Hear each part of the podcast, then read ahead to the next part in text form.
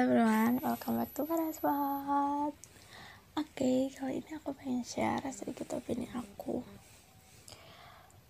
Aku punya sebuah pertanyaan. Kayak gini.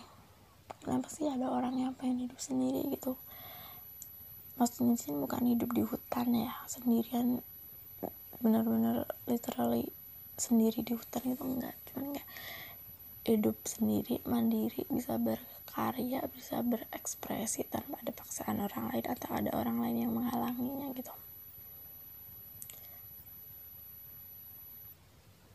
Ini salah satu sebabnya ya, menurut aku tuh karena mungkin aja kita tuh capek gitu karena disalahkan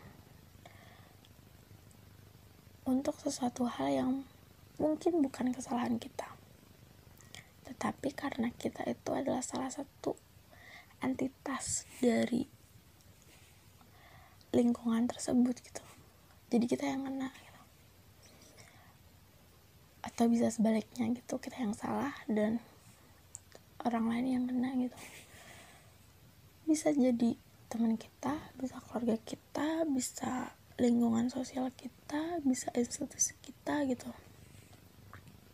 jadi kenapa penting banget kayak orang tuh menekankan tentang harkat dan martabat kita harus dijunjung tinggi. Apalagi kalau di institusi harus bisa menjaga nama baik gitu. Ya itu karena kayak uh, peribahasa. Gara-gara nilai setitik hilang apa hilang susu sebelangga gitu. Itulah pokoknya. Aku lupa peribahasanya seperti apa. Jadi kenapa sih bisa seperti itu gitu? Bisa jadi dari budaya. Karena mungkin bisa jadi kayak gini ya. Pas waktu kecil gitu kita jatuh. Yang disalahin itu ih kodoknya kodoknya itu kodoknya yang lari. Jadi kayak ada orang lain maksudnya ada sesuatu yang lain yang jadi yang disalahkan gitu.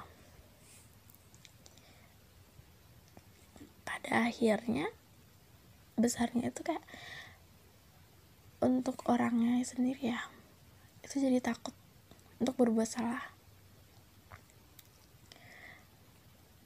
oh sorry bukan takut berbuat salah tapi takut untuk disalahkan. Jadi kalau udah kayak kayak mau ketangkap basah gitu tipis-tipis mau ketangkap basah gitu pasti akan mau ngelak ah bukan gitu. Terus yang kedua adalah kita selalu mencari kambing hitam. Ya makanya jadi harus ada orang lain yang harus kami hitamkan harus ada orang lain yang disalahkan. Jadi kenapa kalau si A berbuat salah si B temannya ikut-ikutan disalahkan ini gara-gara kamu nih berteman sama dia kayak gitu. Kan kamu temannya dia makanya kayak gitu gitu. Jangan-jangan kamu juga ikut-ikutan lagi. Atau bisa jadi karena keluarganya gitu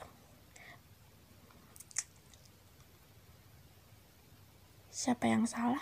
Eh yang disalahkan anaknya atau orang tuanya. Kayak gitu yang kan itu ya itu. Hmm, apa ya? Lingkungannya itu yang kena gitu. baik itu lingkungan keluarga pertemanan ataupun institusi kerja kayak gitu yang kena. Karena juga karena mungkin ya itu salah satunya adalah budaya kita menyalahkan jadi sehingga terbawa ke karakter takut disalahkan dan mencari kambing hitam. Dan akhirnya kesimpulannya adalah aku capek. Aku pengen hidup sendiri. Gitu sih menurut aku.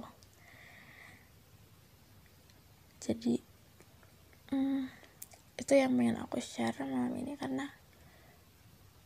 menurut aku tuh mengganggu banget sih.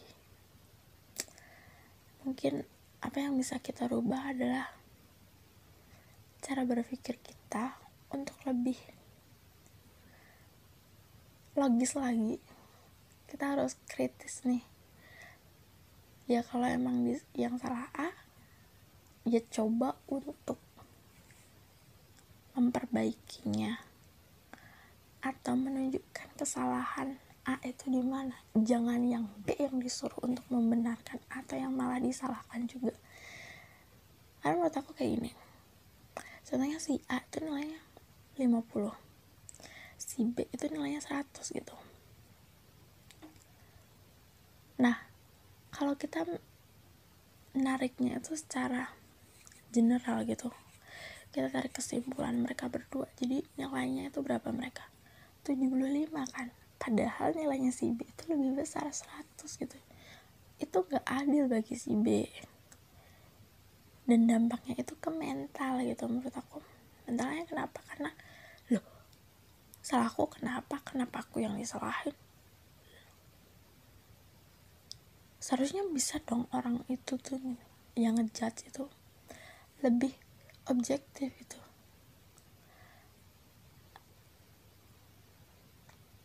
maksudnya objektif di sini yaitu kalau yang salah A ya salahkan A gitu. Jangan jangan semua di generalisir salahnya semuanya gitu. Dan dihubung-hubungkan gitu. Nggak bisa. Kalau dalam hukum kan yang namanya tersangka ya tersangkanya itu. Nggak bisa kan yang satu keluarganya itu yang dihukum semua. Atau satu kelompoknya dihukum semua. Ya masa yang bunuh itu sih siapa itu no ya? Si Taro gitu contohnya yang bunuh tuh si Taro. Eh yang dihukum tuh gengnya si Taro ini nggak bisa dong.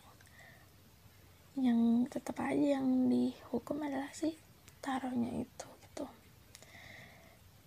Dan itu yang perlu diperbaiki. Mungkin harus bisa dievaluasi. Mungkin dari sejak dini kita harus merubah cara didik yaitu yaitu untuk hal yang sesimpel aja. Kalau jatuh jangan cari kodoknya nih mana. Ih kodoknya yang salah tak gebuk ya gitu. Nggak bisa. Eh kalau anaknya jatuh eh ya jatuh ya. Ya mana yang jatuh diobatin. Gitu tadi kenapa bisa jatuh? Jadi dicari dong alasannya. Kenapa bisa jatuh? Oh kesandung batu. Oh batu kesandung batu. Nanti lihat ya. Eh, nanti lain kali lihat ya uh, ada batu atau enggak. Jadi lebih hati-hati. Itu mungkin akan menimbulkan suatu pola pikir yang kritis. Jadi mencari sebabnya kenapa dia jatuh. Enggak malah main kambing hitamkan sesuatu gitu. Kodok nggak ada kodok di kambing hitam kan disalahkan. Oh salah kodok tak kebuka gitu. Makanya itu kayak menumbuhkan suatu karakter gitu akhirnya pas gedenya. Itu kesimpulannya adalah takut disalahkan. Yang kedua adalah cari kambing hitam. Dan akhirnya akan mena uh, karena terstruktur ya itu. Maksudnya kes, uh, dalam sistem gitu kan. Akhirnya aku pengen hidup sendiri aja gitu.